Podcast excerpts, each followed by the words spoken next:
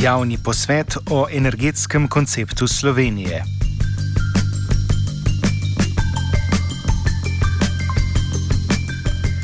V državnem zboru na pobudo Združene levice poteka javna predstavitev mnen glede energetskega koncepta Slovenije. To je razvojni dokument, ki je s prejetjem novega energetskega zakona nadomestil dotedanji nacionalni energetski program. Z novim načrtom je jasno potrebna tudi nova strategija in ta, ki bo zapisana v energetskem konceptu, naj bi ustvarila smernice za energetski razvoj Slovenije v naslednjih 20 letih ter predvidela okvirni razvoj za naslednjih 40 let. Sprejetje takšnega načrta je v domeni državnega zbora, vendar se je v obdobju enega leta, odkar je bil zakon potrjen, na strani energetske strategije kaj malo premaknilo. Ocene Ministrstva za infrastrukturo so, da bomo imeli načrt postavljen v naslednjih dveh letih. Časovnico komentira Primoš Turčal, predsednik Združenja slovenske fotovoltaične industrije.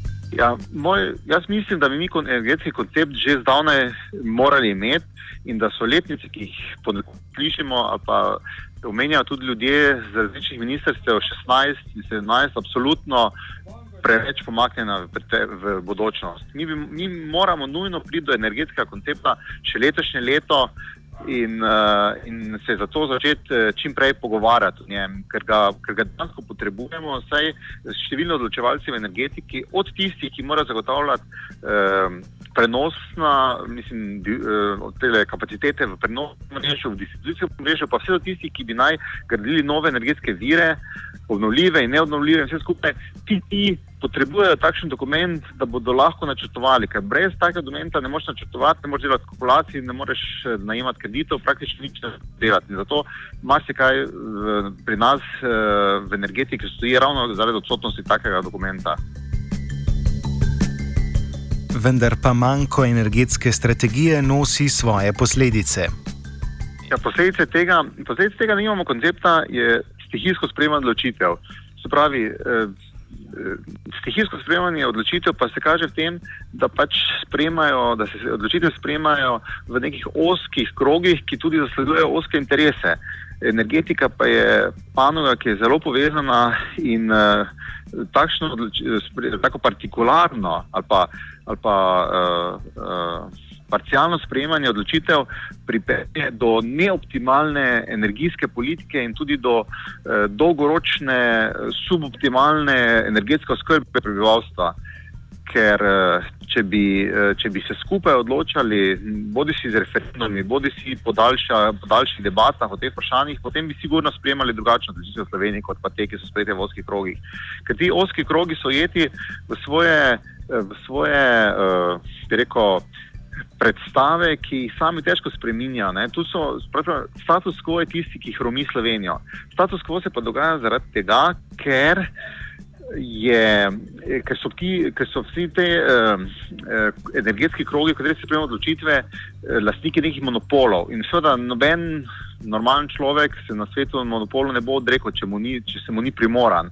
In ker so ti monopoli seveda sladki in se z njimi lepo živi, potem enostavno uh, ostajamo v teh uh, okvirih in, in, in, in ne pride do sprememb. Zato tudi obnovljivih virov ne gradimo tako kot druge, zato tudi uh, se ne pogovarjamo o tem, ali bomo imeli ali ne bomo imeli jedrske elektrarne, ampak enostavno načrtovalci drugega bloka jo preprosto že pripravljajo in še marsikaj takega se dogaja, ker se pač ne pogovarjamo.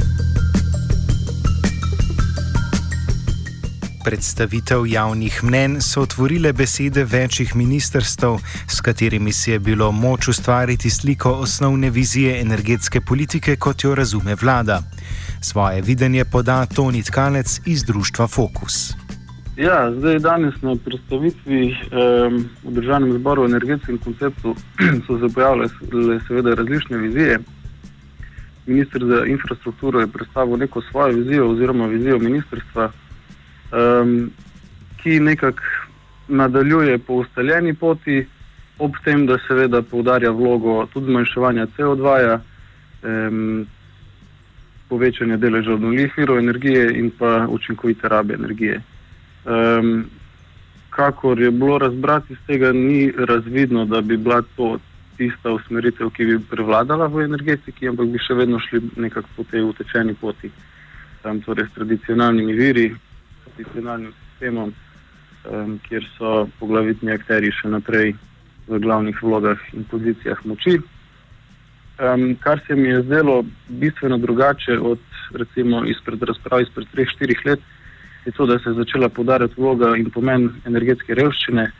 Um, zadeva je bila prepoznana kot resna problematika v državi in tudi ministrstvo se je odločilo, da bo na tem področju naredilo uh, korak naprej, začelo z naslavljanjem problema z različnimi programi in projekti. Um, drugače pa ja, sej, v bistvu je bil to šele začetek razprav, saj upam, da, no, da bodo sledile še druge um, razprave na temo novega energetskega koncepta Slovenije. Um, pokazalo se je, da želja po sodelovanju obstaja strani veliko več akterjev, kot pa je verjetno to ministrstvo mislilo, saj je bila dvorana popolnoma polna um, in vsi so v bistvu pripravljeni predstaviti svoje poglede in sodelovati v procesu. Znotraj sprejemanja novih energetskih politik dominira interes velikih panog, kljub temu pa se v energetiki pojavljajo nove smernice. Iz dosedanjih dogajanj je razvidno, seveda, da imajo določeni akteri eh, poglavitno vlogo v sektorju, oziroma so vodilni v tem sektorju, eh, zasedajo pozicije moči in tudi odločitve se nekako sprejemajo, ki so bliže njim. Eh, seveda govorimo tako o velikih energetskih podjetjih. Eh, podjetjih, ki pa seveda imajo tudi neke določene politične povezave z eh, odločevalci, tako v parlamentu kot na ministrstvu. Um, do sedaj je obveljala njihova logika, seveda. sistem se je razvijal uh, po njihovem konceptu.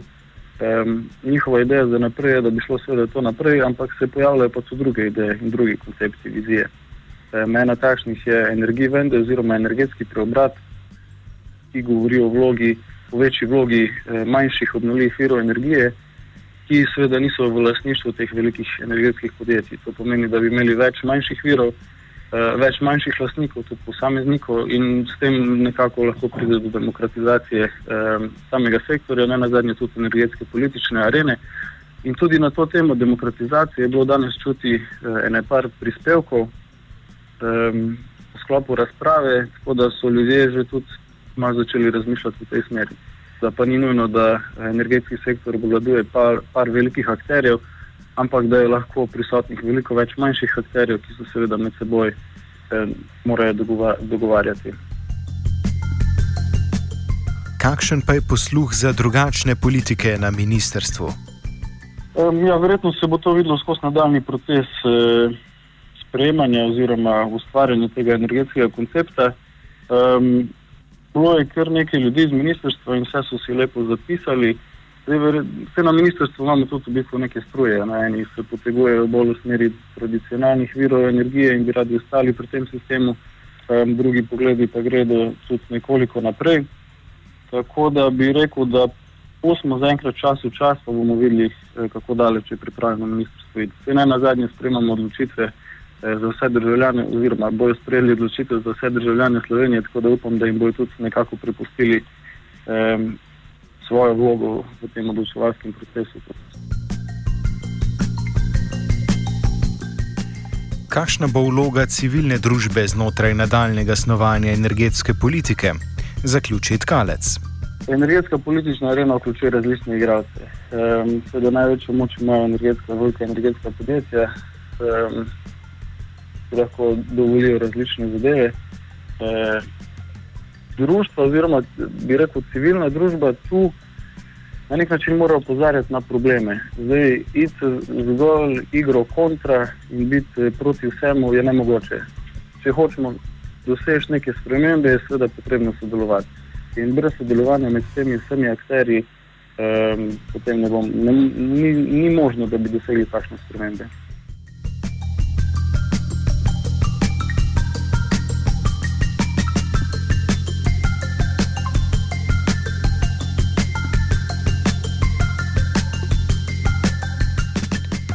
V offsajdu je manj slišanim deležnikom pri oblikovanju bodoče energetske strategije ponudil prostor Jošt.